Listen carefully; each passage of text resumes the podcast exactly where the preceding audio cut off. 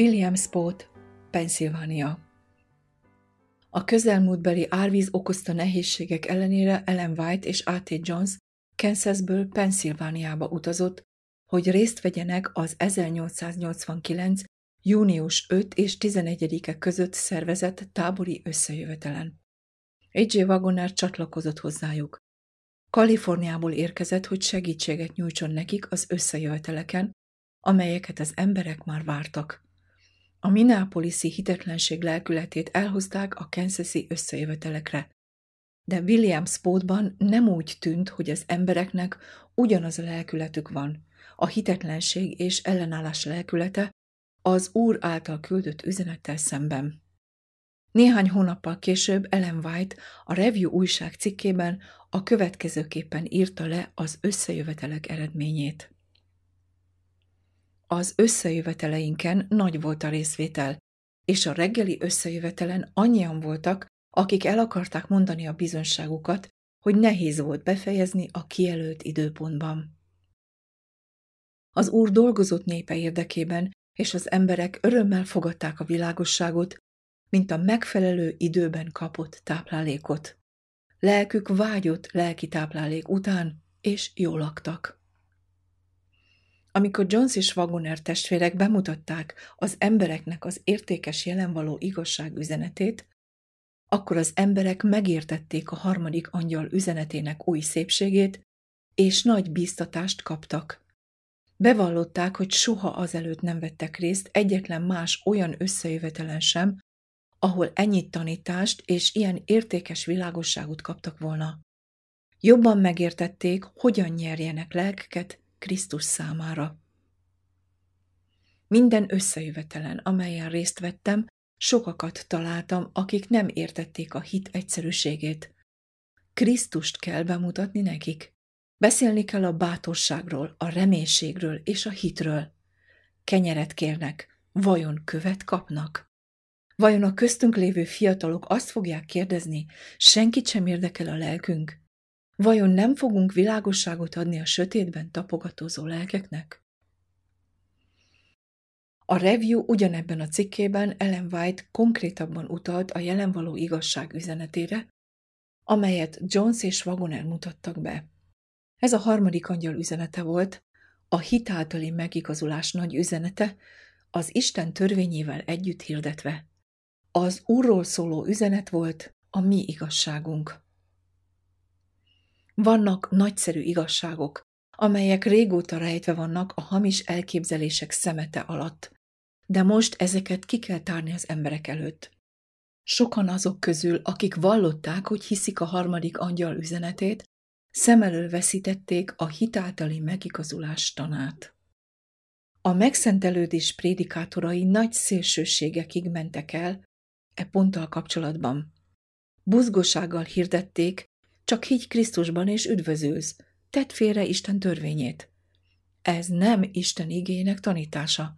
Nincs alapja egy ilyen hitnek.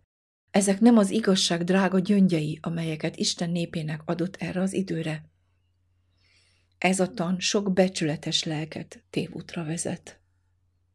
Isten embereket hívott, akik teljesítik erre az időre szóló szükségét, és ők hangos szóval kiáltani fognak és nem hallgatnak, trombitaként emelik fel a hangjukat, és megmutatják népemnek törvénytelenségeit, Jákob házának bűneit.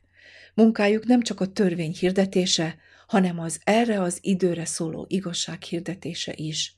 Az Úr a mi igazságunk.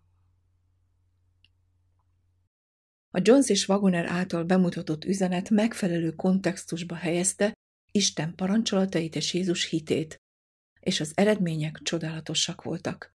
Ellen White világosan mondta, hogy az adventista egyház szem elől veszítette a hitáltali megigazulás tanát, mert a vezetők és a tagok egyszerűen a legalista vallás formájától fügtek.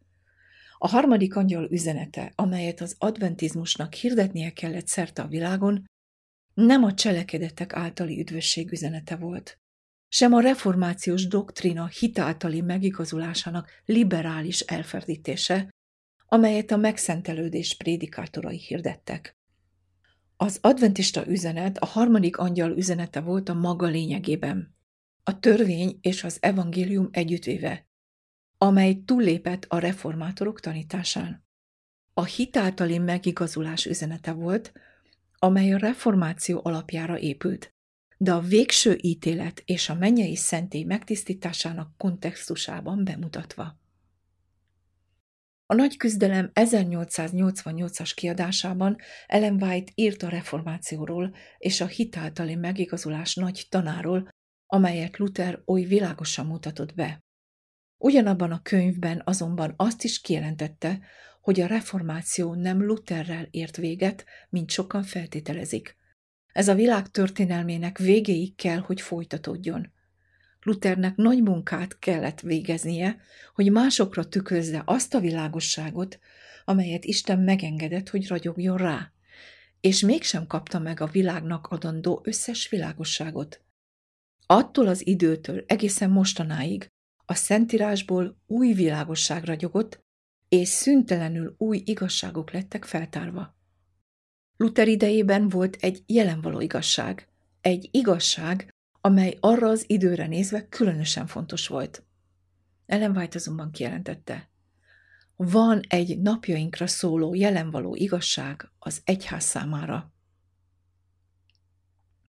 Ellen White a William Spóti tábori összejövetelről szóló cikkében leírta, milyen nagy áldásokat kaptak azok, akik elfogadták a jelenvaló igazság üzeneteit a hitáltali megigazulásról, majd azokra fordította figyelmét, akik még mindig haboztak elfogadni az üzenetet. Figyelmeztette a betlikrikieket, akik direkt módon védkeztek a nagy világosság ellen, és mondta nekik, hogy eljött az idő, amikor választani kell Bál és az Úr között. Isten lelke most visszavonul a föld lakosaitól.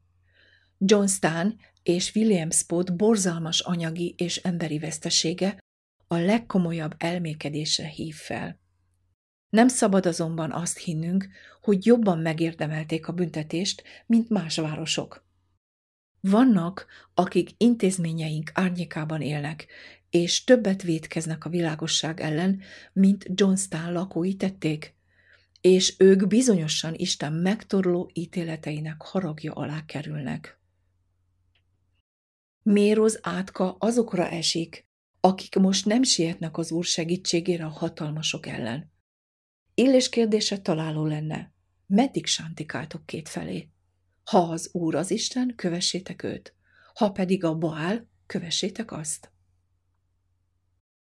Az egész mennyet érdekli a földön zajló munka. Egyesek azonban nem látják annak szükségét, hogy egy különleges munkára van szükség ebben az időben.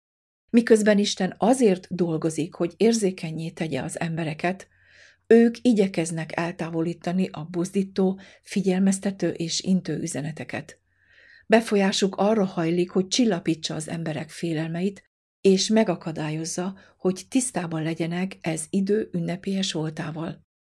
Ha nem változtatnak viselkedésükön, ugyanolyan jutalmat kapnak, mint azok, akik ellenségeskednek és nyíltan lázadnak Isten ellen.